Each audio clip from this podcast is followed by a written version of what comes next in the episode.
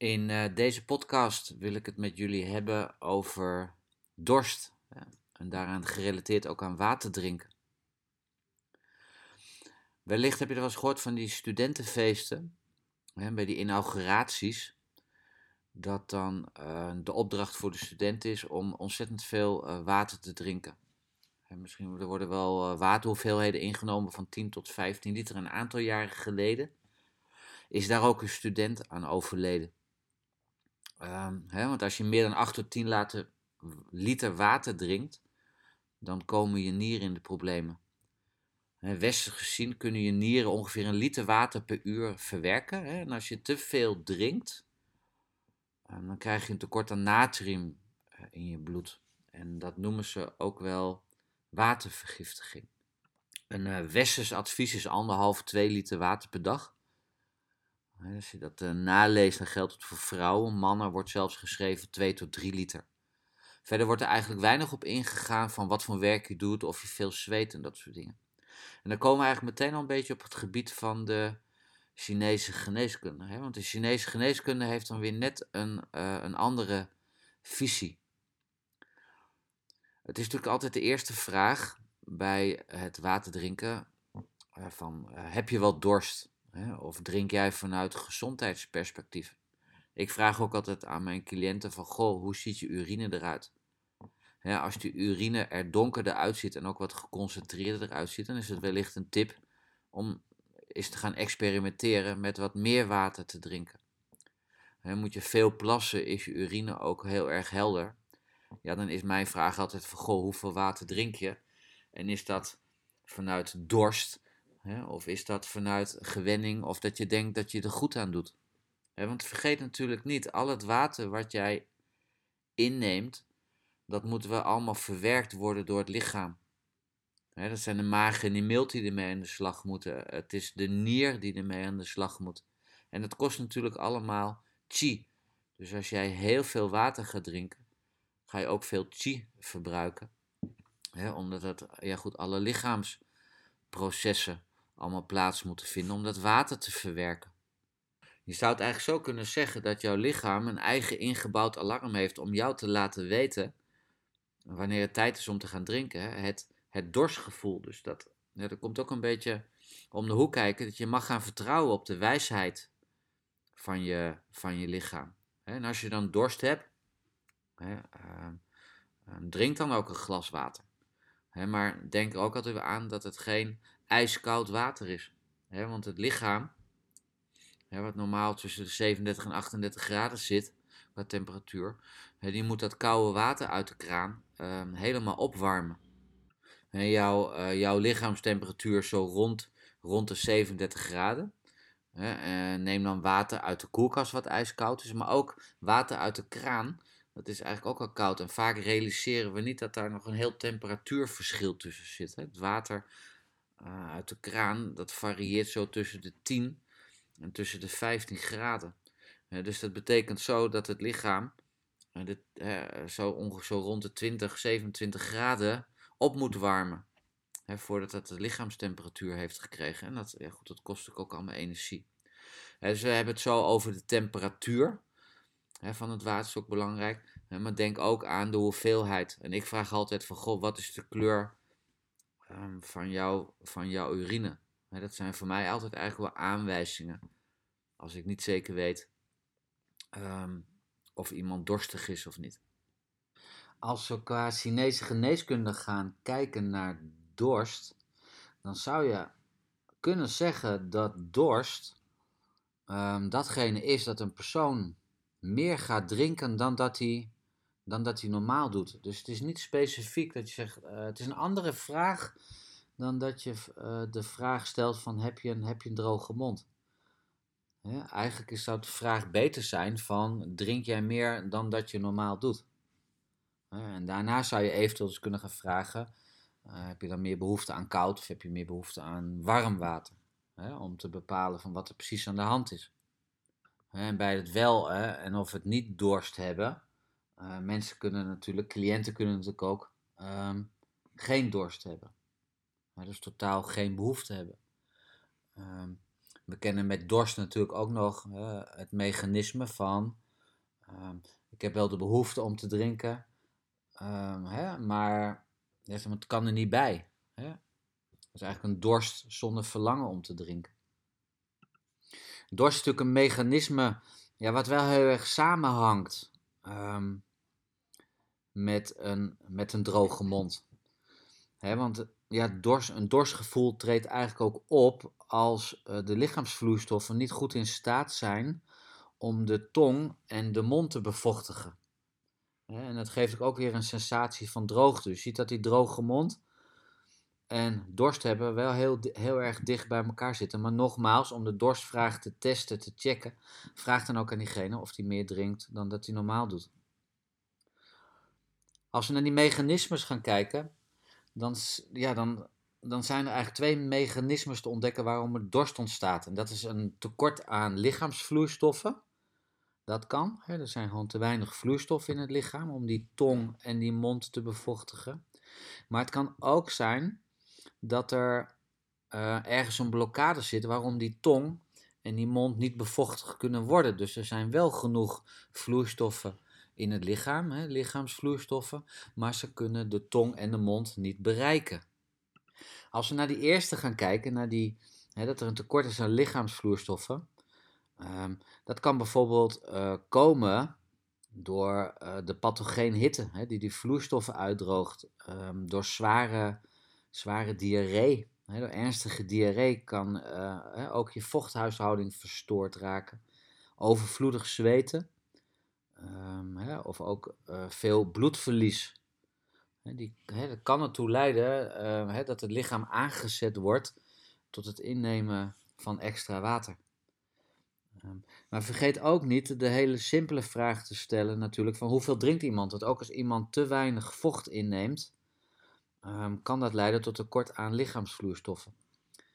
Um, ook als de, de maag, mild, uh, dunne darm, nier niet goed functioneert, ze kunnen bijvoorbeeld zuiveren niet van het onzuiveren scheiden, kan ertoe leiden dat er onvoldoende lichaamsvloeistoffen in het lichaam aanwezig zijn, wat dus tot die dorst lijkt, maar ook tot, vaak tot andere droogteverschijnselen in het lichaam.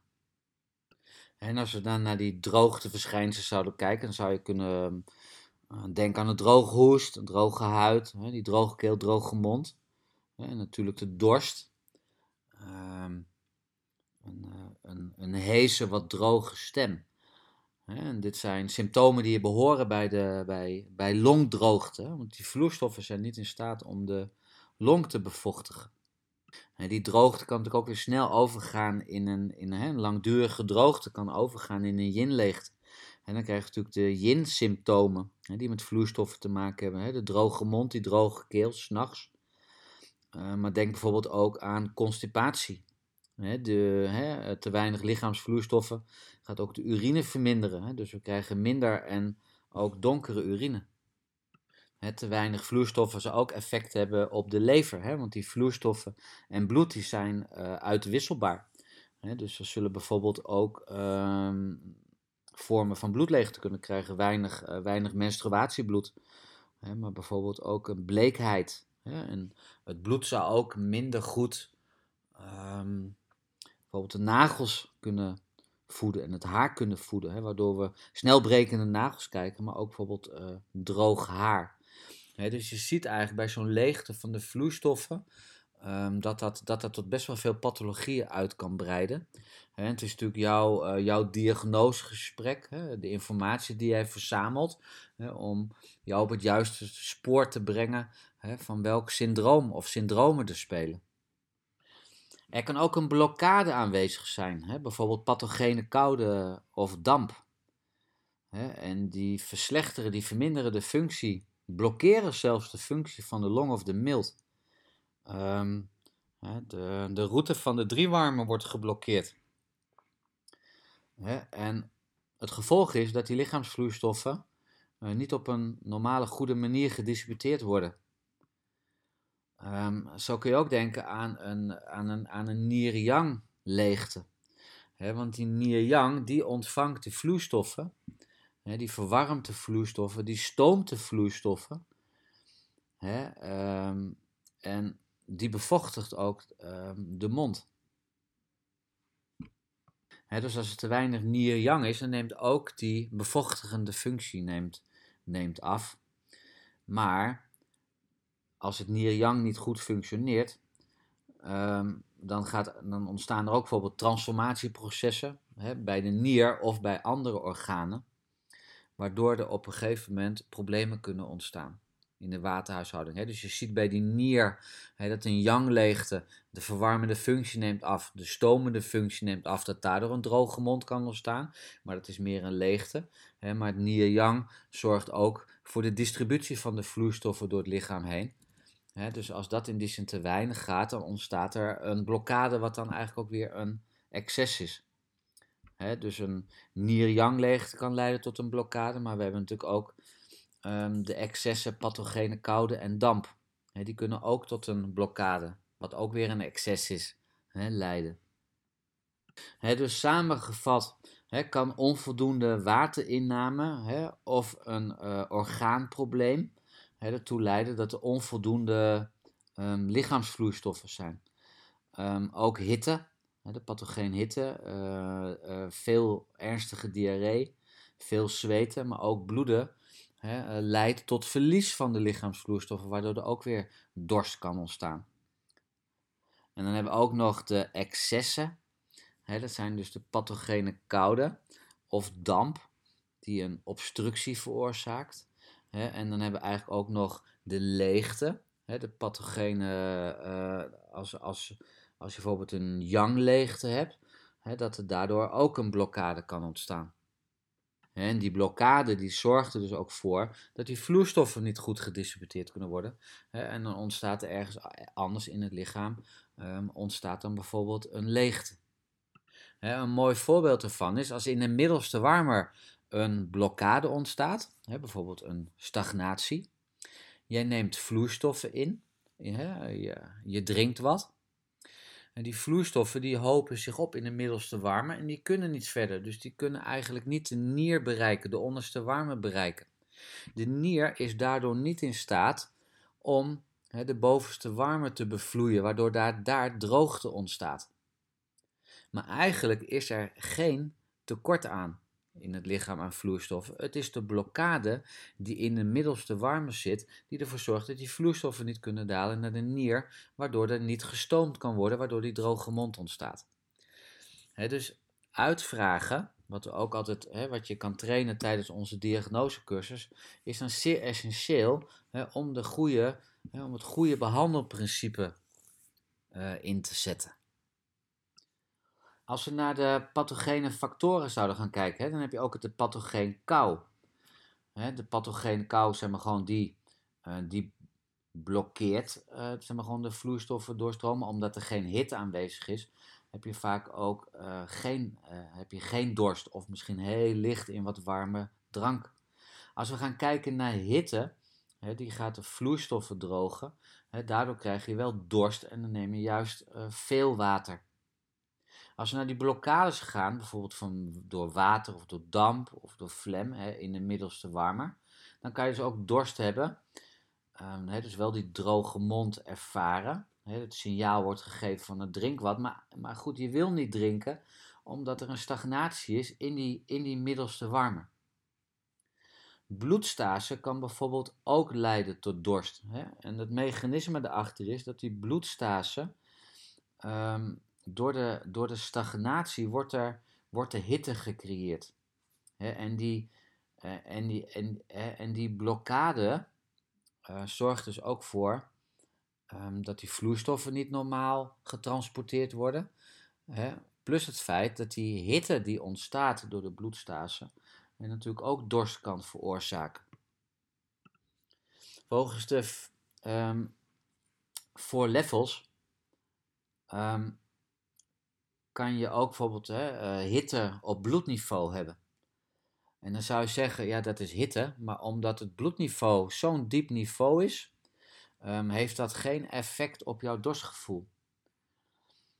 Hè, dus hè, er is wel hitte, um, hè, maar omdat hij zo diep is, heeft hij geen invloed ehm, op, het, op het mechanisme van dorst hebben.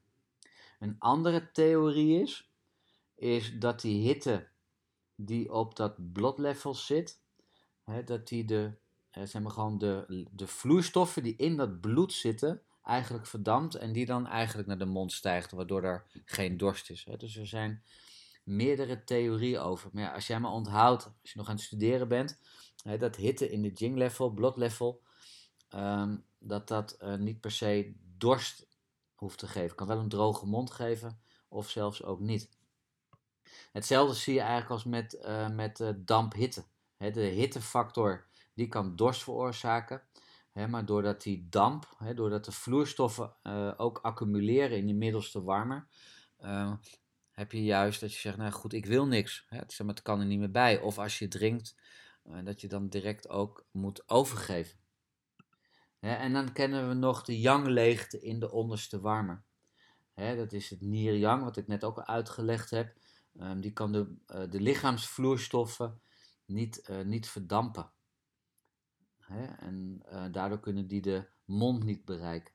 Hè? Of, hè, want er is natuurlijk ook yang nodig om die vloeistoffen ook naar de mond toe te krijgen. Hè? Dus het kan tweeënlei. Dus yang tekort te weinig stomen.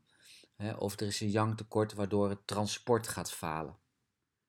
Dus samengevat kan er een hele hoop aan de hand zijn um, als jij dorst gaat uitvragen. Um, als je dorst gaat uitvragen, kijk dan naar de zwaarte van de dorst. Hè, van, ja, drinkt iemand gewoon heel erg veel? Uh, of is het een gewoonte drinker? Um, vraag dus uh, de hoeveelheid. Vraag naar koude, uh, vraag naar warmte. Of, of dat hij liever, li liever thee heeft. Hoeveel koffie die drinkt, hè, want koffie is ook diuretisch. Uh, wil die, uh, hangt, hangt hij graag aan de koude kraan? Um, is, het, is, het, is het wel dorst willen, maar eigenlijk ook weer um, zonder dat hij per se wil drinken? Hè, dus ja, dorst is niet zomaar alleen maar de vraag van heb je dorst? Hè, het is aan jou hè, als therapeut zijnde om echt het onderzoek te gaan doen van hoe staat deze dorst in relatie tot, tot de andere symptomen. Dankjewel voor het luisteren. Um, vond je het interessant of wil je meer van weten? Ja, goed, overweeg dan is om aan onze cursus diagnosticeren mee te doen. Uh, meer informatie vind je op onze site tcmlover.nl. Dankjewel. Dankjewel voor het luisteren naar deze podcast van TCM Lover. Op www.tcmlover.nl vind jij meerdere podcasts, maar ook meerdere trainingen voor jou als student of als therapeut om jouw vaardigheden hè, als student of TCM-therapeut te verbeteren. Deze week komt er ook een nieuwe training, namelijk de training voor de basisvakopleiding. Door deze training te doen, um, ben jij eigenlijk in staat om op een succesvolle manier jouw eerste tentamen te halen. Ook deze week um, presenteren wij onze nieuwe kruidentrainer. Alle kruiden die jij in het eerste jaar behandelt, Um, die komen langs in een, in, een, in een trainingsmodus, maar ook met allerlei oefeningen, met allerlei legendes en kapstokken om de kruiden goed te kunnen bestuderen en te onthouden. Dus hou goed onze site in de gaten www.tcmlover.nl